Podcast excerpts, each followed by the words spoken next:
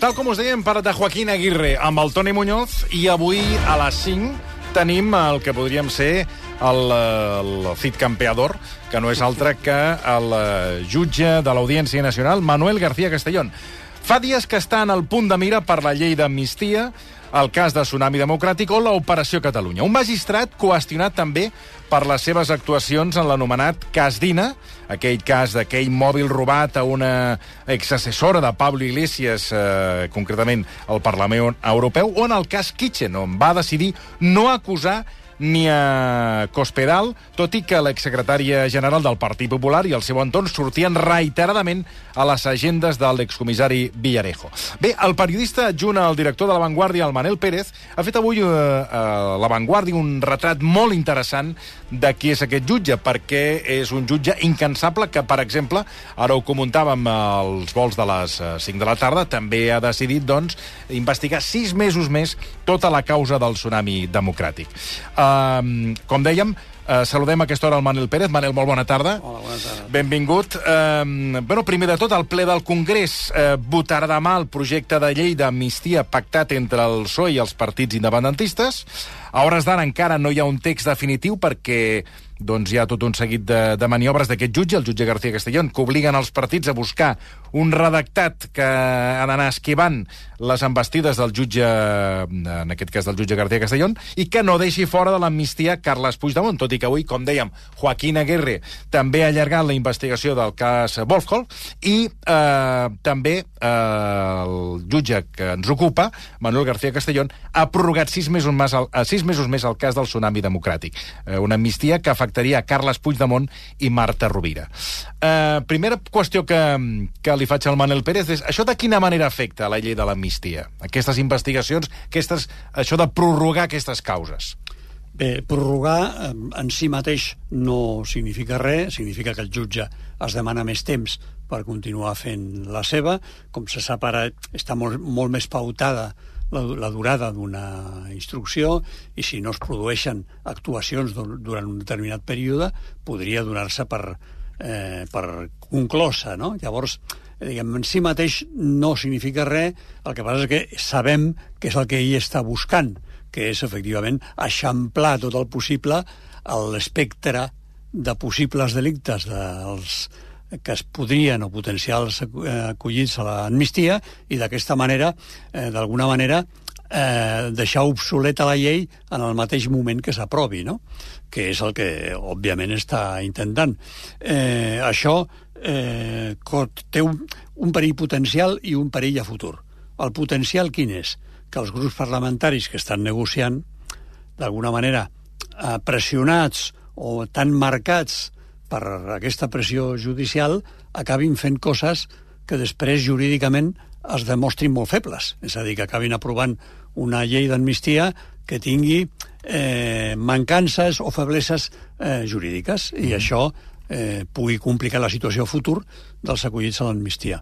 I eh, la segona conseqüència, òbviament, és que eh, deixa causes obertes que, tenint en compte quina és l'actitud d'una part molt notable de l'aparell del, del poder judicial espanyol, doncs és una incògnita molt greu sobre el futur de l'aplicació d'una llei que es digui el que es digui, no hem d'oblidar que és una llei que acabarà aprovant la majoria del Parlament, la majoria del Congrés, i que, per tant, aquest poder judicial, eh, que no és constitucional, no és ni tan sols el Tribunal Constitucional, està qüestionant a priori una mesura que encara no ha estat votada en el Parlament. No? Mm. La reacció del jutge Aguirre pues, manté exactament la mateixa pauta, amb un afegit, i és que tots dos jutges comparteixen la llarga durada de les seves causes, l'abast quasi universal que s'atribueixen a les seves investigacions i l'única diferència fora que en el cas d'en García Castellón té una trajectòria judicial en realitat més curta,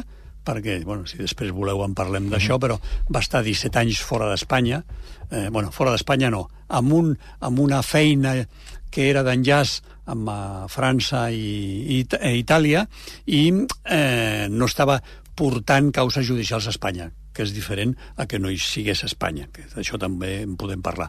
Però, eh, per tant, el seu track record, el seu, la seva trajectòria judicial és més curta, mentre que en el cas del jutge Aguirre ja porta una bona cadena eh, de causes judicials que acaben en no res, que acaben absolutament eh, desfetes, algunes pel camí i algunes per les eh, tribunals superiors, no? per les instàncies superiors de la justícia. En qualsevol cas, és, cas, és, molt, és molt rellevant que aquests dos, tots dos jutges amb aquest perfil tan singular així siguin ara els que estan posant eh, en, en dificultats una negociació que hauria de ser política i no hauria d'estar condicionada per, eh, no tant pel poder judicial, sinó per les decisions d'uns jutges que se senten una mica eh, això, com deies tu, cit campeador, no? Sí, sí. Eh, ens hem de creure que, és, que són uh, uns jutges que mm, totes aquestes causes les porten com, com per iniciativa pròpia o, o realment mm, bueno, no, no, no sé si es pot... Eh, és a dir, que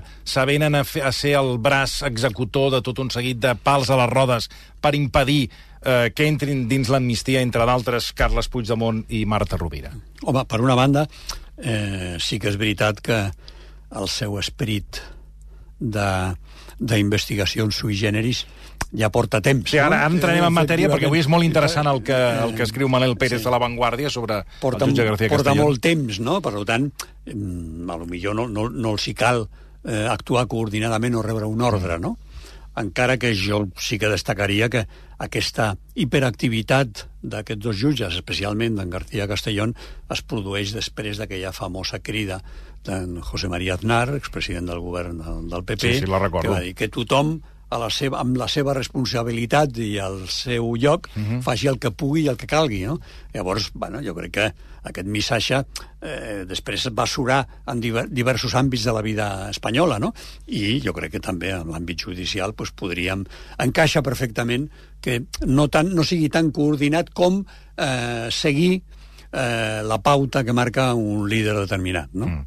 Eh, l'esmena pactada, eh, que per cert el Partit Socialista ha dit que ja no la vol tocar més, veurem què és el que passa fins demà, eh, quedaria eh, fora, la, fora de l'amnistia les persones condemnades per terrorisme que hagin causat de manera manifesta i amb intenció directa violacions greus dels drets humans. I aquí eh, l'objectiu de l'esmena eh, era evitar que Castellón imputés Puigdemont i Rovira per terrorisme en el cas del tsunami democràtic, però les maniobres del jutge eh, insisteixen en impedir poder aplicar aquesta amnistia a aquests eh, perseguits. No només aquests, sinó eh, prorrogar sis mesos més la causa del, del tsunami. No sé si... Perquè, per exemple, he sentit, eh, explicàvem ara el butlletí de la 5, que vol portar a declarar també a familiar, als familiars de la persona que va morir d'un atac de cor a l'aeroport del Prat. És a dir, eh, aquesta causa l'allargarà sis mesos. Correcte.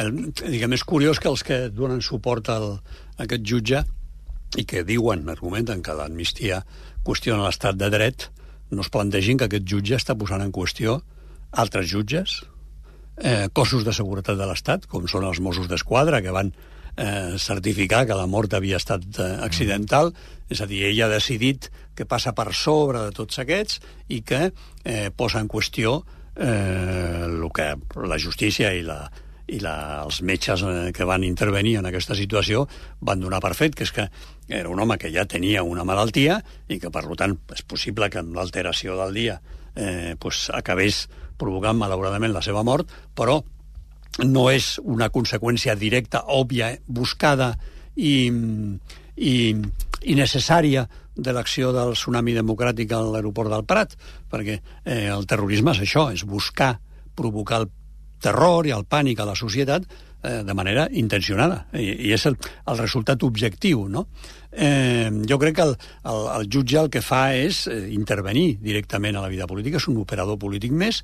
Quan es va plantejar el tema del terrorisme, doncs els va, va sortir amb, el seu, amb la seva imputació per, per terrorisme, que ja havia fet, però que eh, no afectava en Puigdemont i a Rovira, llavors va decidir mm posar-los, que era la manera d'intervenir, i recordem que quan es va negociar i acordar aquesta esmena que tu has llegit abans, sí. el jutge es va inventar, bueno, va dir que l'agressió als periodistes, als policies que intervenien eh, en les protestes contra la sentència del Tribunal Suprem sobre el procés eren atentats contra el dret a la vida, contra els drets humans, no? que és una manera d'anar a fer créixer. No? Mm -hmm. Una part molt important de la població mundial estaria engarxolada per terrorisme, perquè darrerament, jo diria que els, darrers 50 anys és molt difícil trobar eh, manifestacions i incidents amb la policia amb les que no hi hagin policies ferits, no? -huh. eh, per tant, bueno, pues, si ells s'empenyen que qualsevol lesió a un policia, o que un policia subjectivament pensi que van atentar contra la seva vida es converteix en un delicte objectiu contra els drets de l'home i, per tant, absolutament eh, impossible d'amnistiar, bueno, pues és un deliri d'algú que té una posició molt, molt notable a l'aparell judicial, com el senyor García Castellón, però que en dret internacional em sembla que és absolutament eh, insostenible. No?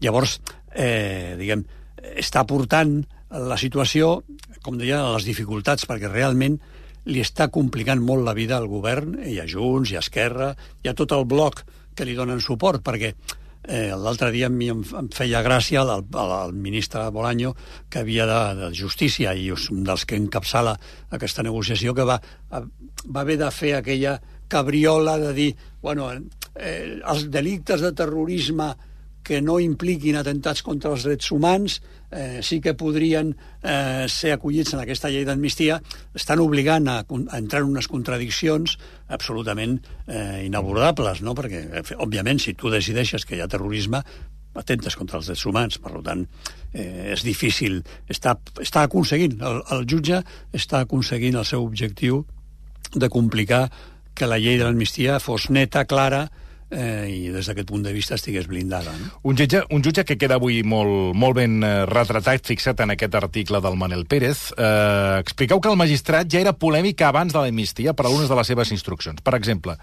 Poseu d'exemple el cas Tàndem, aquest cas, ma, aquesta macrocausa on està eh, vinculat també Villarejo i relacionada amb la corrupció del Partit Popular, que inclou gairebé tota la documentació vinculada també amb l'operació Catalunya.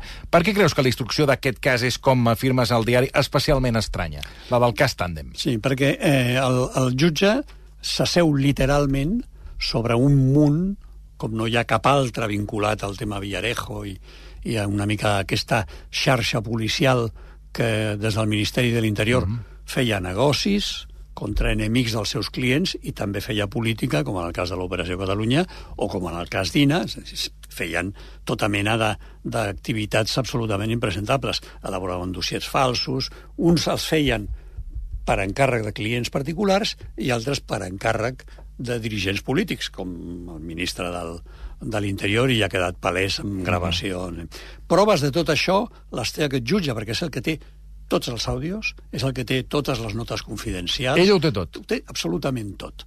Eh, llavors ha fet dues coses. Una, rebutjar sistemàticament qualsevol possibilitat d'obrir una causa vinculada a les connexions polítiques, Operació Catalunya, però no només, això per una banda, i per l'altra, eh, ha dictat autos de secret, de secret de eh, de secret d'informes, perquè, segons ell, afecten a la seguretat de l'Estat.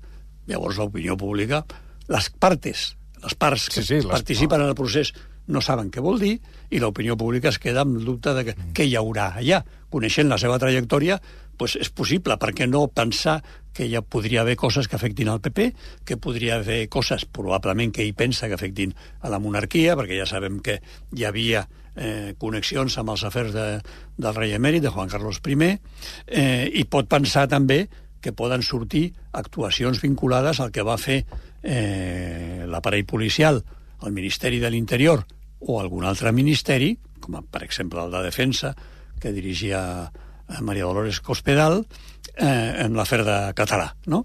Però no ho sabem, és pura especulació, però ell és l'home que té accés a la més àmplia documentació sobre això. Malgrat aquesta situació, bueno, pues es nega a obrir absolutament res i no investiga. En el cas eh, Kitchen, eh, cal, hem de recordar que l'any 21 tanca la investigació, mhm. -huh. el 29 de juliol d'aquell any, eh, és a dir, a la porta de les vacances, sense avisar els fiscals i deixant fora Maria Dolores de Cospedal. Com tu esmentaves abans, eh, ara s'ha imputat a Francisco Martínez, el número 2 del Ministeri de l'Interior, perquè en un cas concret, sobre aquest cas apareix esmentat a les agendes del Villarejo, és l'únic indici, eh? Vuit vegades, vuit cops. Nosaltres ja fa un any sí. vam publicar que eh, Cospedal, el seu marit o el seu cap de gabinet, eh, apareixien a les agendes del Villarejo 261 cops. Vull dir, eh, no entenc per què serveix eh, 8 anotacions, serveix per imputar una persona i 261 no serveixen per imputar la senyora Cospedal, el seu marit i algun alt càrrec que treballava i que feia pagaments en nom de la Cospedal. No? Eh, a més de que en el cas de la Cospedal hi ha també gravacions...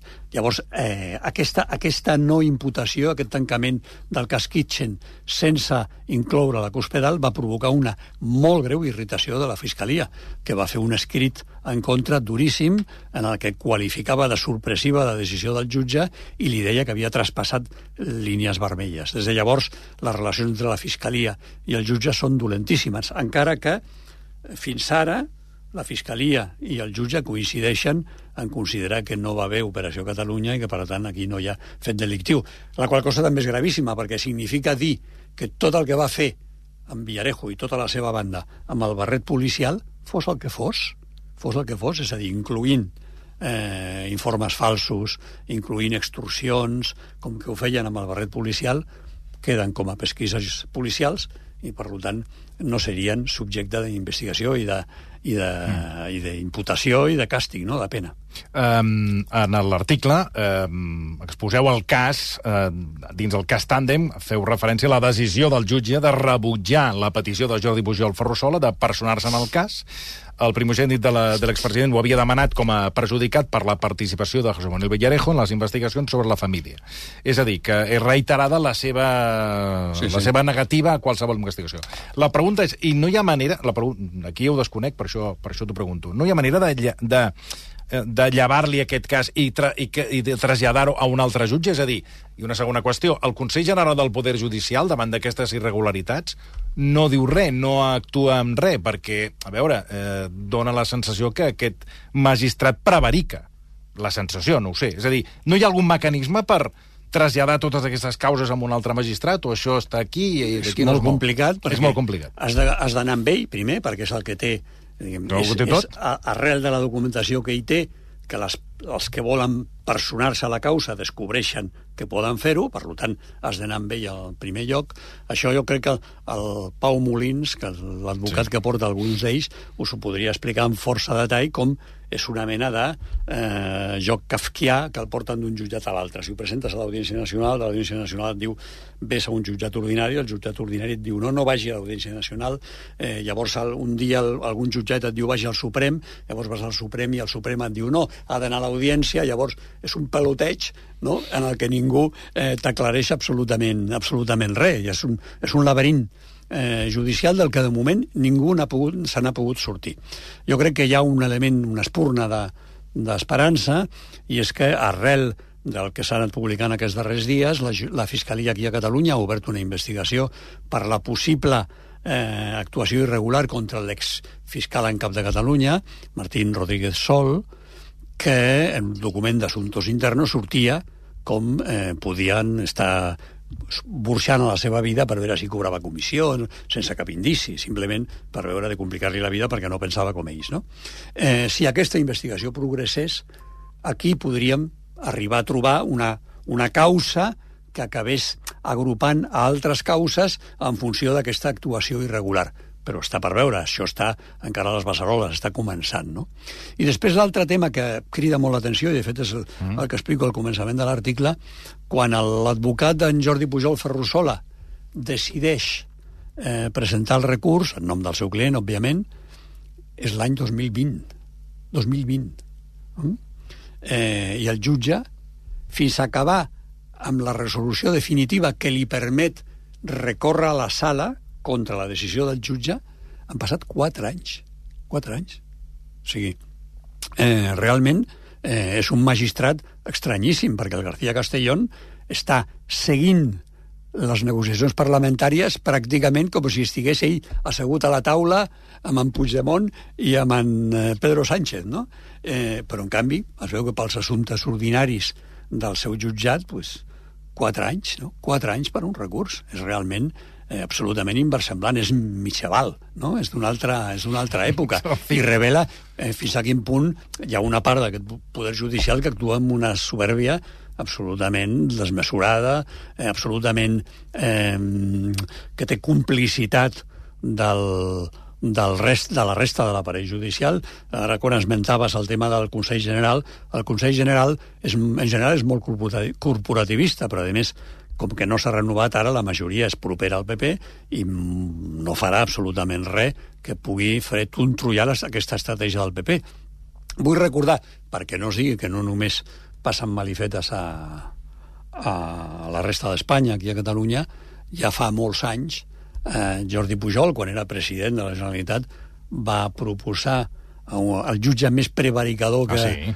que com a mínim que es conegui de la justícia espanyola dels darrers anys, Luis Pascal, mm, Pasqual, Estivill, Estivill, com pel Consell General del Poder Judicial, sabent que era un, que era un corrupte, simplement per treure el de sobre, perquè no, no molestés els rics de, de Barcelona. Va ser així, no? Escolta, això ho sabia tothom.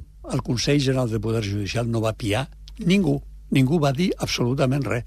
I no va ser fins que va sortir del que torguen que es van poder obrir les causes que finalment el van portar a la presó. Ens deies que García Castellón va haver un període que no feia de jutge. On estava? Efectivament, era jutge d'enllaç, eh, un jutge d'enllaç és el que posa en contacte, estableix les relacions entre el poder judicial d'un altre país i el país d'origen, mm. no? En aquest cas, primer va estar a França i després va estar a Roma. Va ser un premi, perquè són, són llocs que no es treballa gaire, que fan relacions internacionals, són còmodes, tens un sou més alt, eh, no pagues residència, en fi, té una sèrie d'avantatges.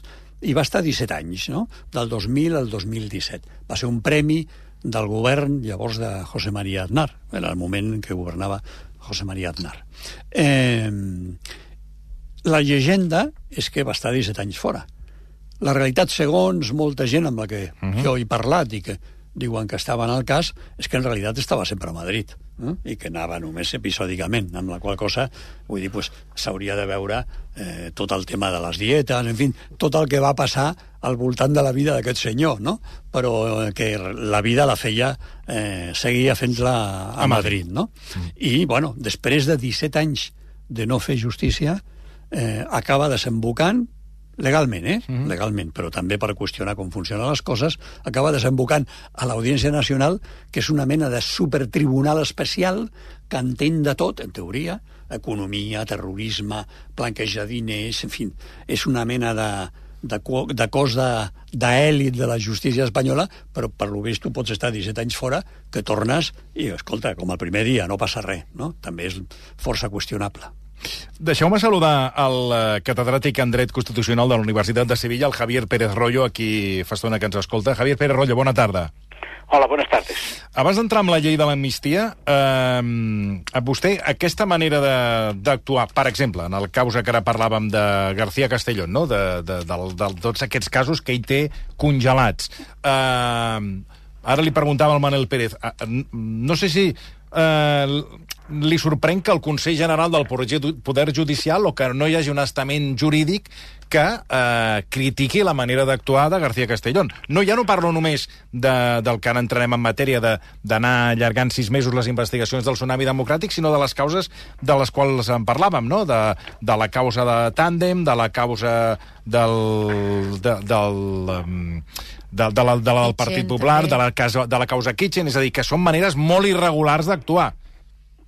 Vamos a ver, el, el, Consejo General del Poder Judicial no puede hacer nada en estos casos porque este es un juez que está instruyendo, está en el ejercicio de la función jurisdiccional y el Consejo General del Poder Judicial no es un órgano jurisdiccional, es decir, no puede intervenir cuando hay un proceso que se está instruyendo o un asunto que se está juzgando por un juez o por un tribunal. Es decir, el Consejo General del Poder Judicial es un órgano de naturaleza política, no de naturaleza jurisdiccional. Por eso es tan extraordinariamente eh, inconcebible la prórroga del órgano mm, durante cinco años ¿no? Porque eso no existe. Los órganos de naturaleza política están vinculados con el principio de legitimidad democrática que se expresa a través de las elecciones y cuando hay renovación de las elecciones, la, renovación por, por manifestación del cuerpo electoral en unas elecciones generales, tiene que producirse la renovación del órgano. Por lo tanto, ese no es el problema. El, el, el, el Consejo General del Poder Judicial tendría que intervenir si observara que hay una falta grave una falta grave de las que están tipificadas como tales en la ley de orgánica del Poder Judicial. Lo que ocurre en este caso esto es mucho más grave. Solo que es una vergüenza es que yo no me explico cómo los jueces y las asociaciones judiciales no han intervenido ya porque esto está poniendo en ridículo al Poder Judicial español de una manera extraordinaria. Vamos, estos son casos inverosímiles. Terrorismo y Putin. Terrorismo y Putin. Ahora resulta que en el proceso que en el proceso hubo terrorismo y además hubo intervención de Putin para alterar los equilibrios de la Unión Europea, etcétera. Bueno, una cosa absolutamente descabellada, absolutamente descabellada, que evidentemente no tiene ningún sentido, nada más que tiene una finalidad y es la de dificultar la negociación entre los partidos de la coalición que van a, aprobar la ley de amnistía, ¿no? Y dificultar la negociación entre estos partidos para la aprobación de la ley de amnistía. Pero en sí mismos son acusaciones verdaderamente inverosímiles, ¿no? Verdaderamente inverosímiles, ¿no? Eh, tant García Castellón, que, com dèiem, ha, ha procedit a allargar sis mesos més la causa del tsunami democràtic, com el magistrat Aguirre, que, com vostè diu, eh, vol estirar de la corda d'aquesta relació entre Putin i Carles Puigdemont, eh, si continuen endavant aquest, eh, ells continuaran endavant aquestes causes, de quina manera aquestes causes poden convertir-se en un entrebanc per la llei de l'amnistia, si és que hi ha possibilitat que es converteixin en un entrebanc. Vamos a ver, yo creo que estas causas, estas causas, una vez que la ley de amnistía está aprobada, esto, no, esto se ha acabado.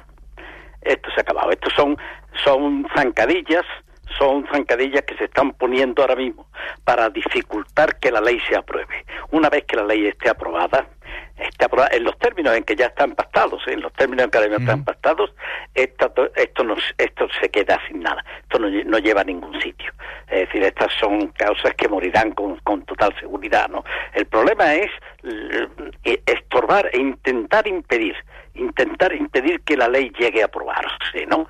Esa, esa, esa, eso, eso, es como yo entiendo estas maniobras que se están haciendo. En sí mismas no creo que tengan posibilidad ninguna, posibilidad ninguna de, eh, servir de nada una vez que la ley esté aprobada, una vez que la ley esté aprobada y empiece su aplicación, y empiece su aplicación, pues ahí se, se acaba todo. Ahí s'acaba tot. Eh, tal com apunta vostè, demà a partir de les 3 de la tarda el ple del Congrés es reunirà per debatre i votar aquest projecte de llei pactat entre el Partit Socialista Obrer Espanyol i els partits independentistes, però clar, no sabem quin serà el text finalment definitiu. El terrorisme ha estat la línia vermella del Partit Socialista Obrer Espanyol.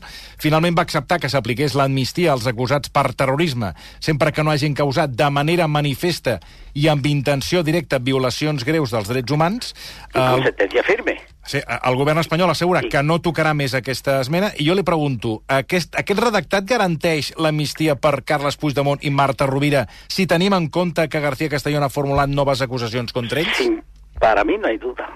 O sea, las acusaciones de García Castellón no van a, no van a pasar el filtro cuando van a ser recurridas, están siendo recurridas ya por el, por el Ministerio Fiscal y, y no, el, el Supremo no acabará asumiendo eso. Mm. El eh... Supremo no, no, no, no es, es, vamos, eso, eso es simplemente un intento de hacer saltar la negociación, ¿no?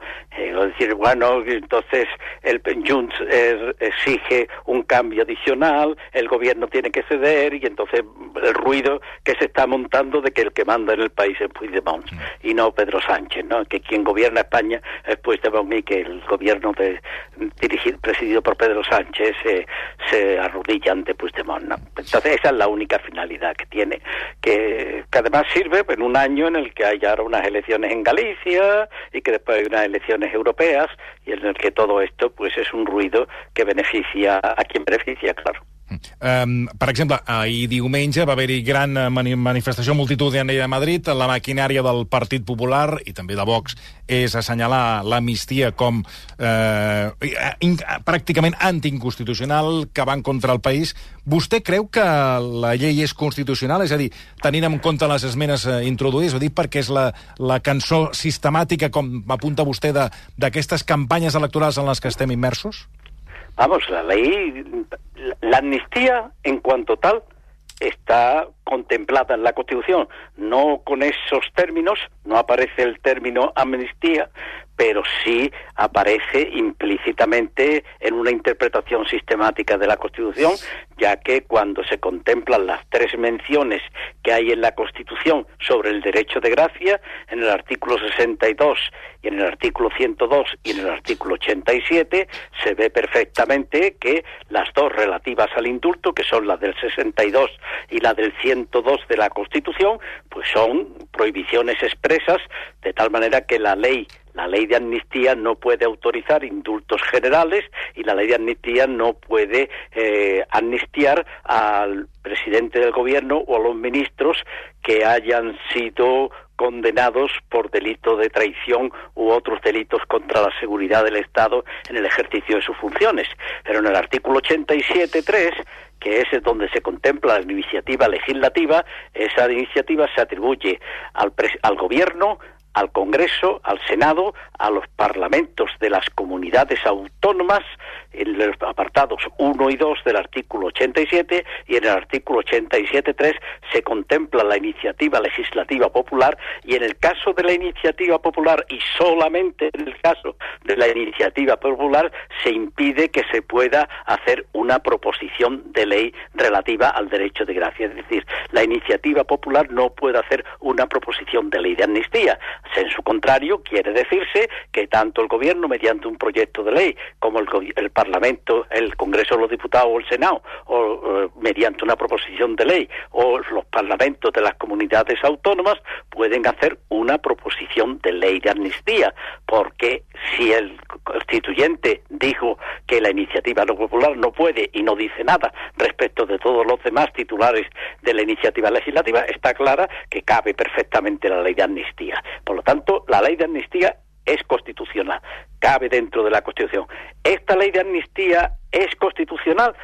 Pues eso es algo que tendrán, que no es constitucional, tendrán que argumentarlo quienes intenten presentar un recurso o una cuestión de inconstitucionalidad y tendrán que argumentar qué artículos qué artículos de la ley de amnistía chocan con la Constitución, a ver si encuentran alguno porque hasta ahora lo que han hecho en el Parlamento ha sido ir contra la exposición de motivos de la ley de amnistía, diciendo que es una ley que no debería aplicarse, pero que no debería haberse realizado. Pero eso es una crítica de, de naturaleza política y no de naturaleza constitucional, y en consecuencia con ese argumento no se puede ir ante ningún tribunal de justicia. Y que, por cierto, habría que decirle a estos señores que hablan tanto de la exposición de motivos que la ley de amnistía del 77, la famosa ley de amnistía del 77, no tiene exposición de motivos. No tiene exposición de motivos. Y no tiene exposición de motivos porque no puede tenerla, porque la ley del 77 era mitad ley de amnistía, para las personas que habían sido condenados por los jueces del régimen del general Franco, como fueron Nicolás Sartorio, ¿eh?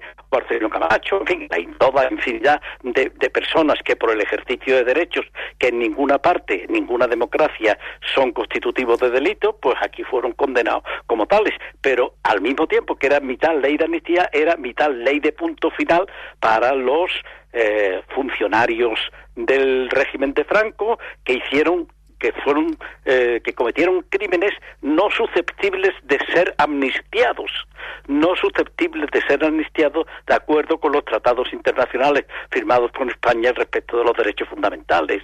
La tortura no puede ser amnistiada, la desaparición de personas, etcétera, y esas esos fueron amnistiados, amnistiados y como eso no se puede justificar y no se puede poner por escrito que se va a amnistiar a personas que han cometido crímenes de lesa humanidad crímenes que no son susceptibles de ser amnistiados, pues no, se, no hubo exposición de motivos. Es decir, que estos que ahora tanto exigen de la exposición de motivos de esta ley, pues la del 77 no lo tuvo. La del 77 no tuvo exposición de motivos. Javier Pérez Rollo, eh, moltíssimes gràcies per haver-nos acompanyat i per, per clarificar-nos tantes coses. Molt amable. Buenas tardes, vosotros. Gràcies, bona tarda. Javier Pérez Rollo, catedràtic de Dret Constitucional de la Universitat de Sevilla. No sé si el Manel Pérez, eh, abans d'acabar, vol apuntar alguna última cosa. Eh, crec que ha estat molt didàctic, el sí, Javier Pérez Rollo. Sí, sí, efectivament, i probablement, o sigui, segur que eh, el seu raonament és, és correcte, no? El que passa és que potser estaria bé deixar palès posar de manifest que en les negociacions, que ell definia molt bé que estaven... L'objectiu era, sobretot, uh -huh. entorpir aquestes negociacions sí, sí. i crear-li un clima polític advers, eh, hi ha una confluència de factors que, que s'entén que, es, que realment s'estiguin complicant, no? perquè ell, són, ell deia, són, són causes que moriran, Sí, però clar... O no. Efectivament, els afectats... Jo també ho he pensat, però... De, jo també ho he pensat. I coneixent jo, eh, el perfil dels que no tenen... L'experiència, a la vista de l'experiència, pues, eh, és més sí, que dubtós. Sí. Ell deia amb tota seguretat, un cop s'apliqui, s'aprovi l'amnistia, sí. eh, està blindada i és inqüestionable, però tots sabem, i està cada dia als mitjans mm. de comunicació, que hi han eh, membres de la més alta magistratura de l'Estat que diuen que es plantejaran qüestions prejudicials, o sigui, es anirà a Europa i, i el Constitucional en la intenció de bloquejar d'entrada l'aplicació de la norma. No? Llavors jo crec, s'entén, és legítim, que una part dels que estan negociant estiguin, eh, diguem, per si de cas, uh -huh. la borrada que diu aquest senyor del García Castellón eh, al final té més recorregut del que vosaltres, l'altre costat de la taula, ens dieu, nosaltres volem deixar posar Ara, les coses negres sobre blanc. El que passa que en la mesura en què es fa això, cada cop és més nyap la pròpia, la pròpia, la pròpia resolució, llei. la pròpia llei, no? Uh mhm. -huh. I jo crec que estan una mica atrapats en aquesta dinàmica embogida. No? Uh mhm. -huh. eh, I coneixent a García Castellón i la judicatura, no és descartable que les causes continuïn obertes, que s'allarguin i que els pals a les rodes eh, continuïn, que jo sóc més del parer del Manuel Pérez que del Javier Pérez Royo, perquè sempre em poso en la posició més eh, dificultosa eh, quan analitzo les coses. Manel Pérez, moltes gràcies per haver-nos acompanyat, igualment. Un plaer. Igualment, gràcies. igualment, de veritat. Eh, fem res, dos minuts de pausa i tornem, senyor Virgili, amb el Carnaval. Ara entrem en matèria. Ai,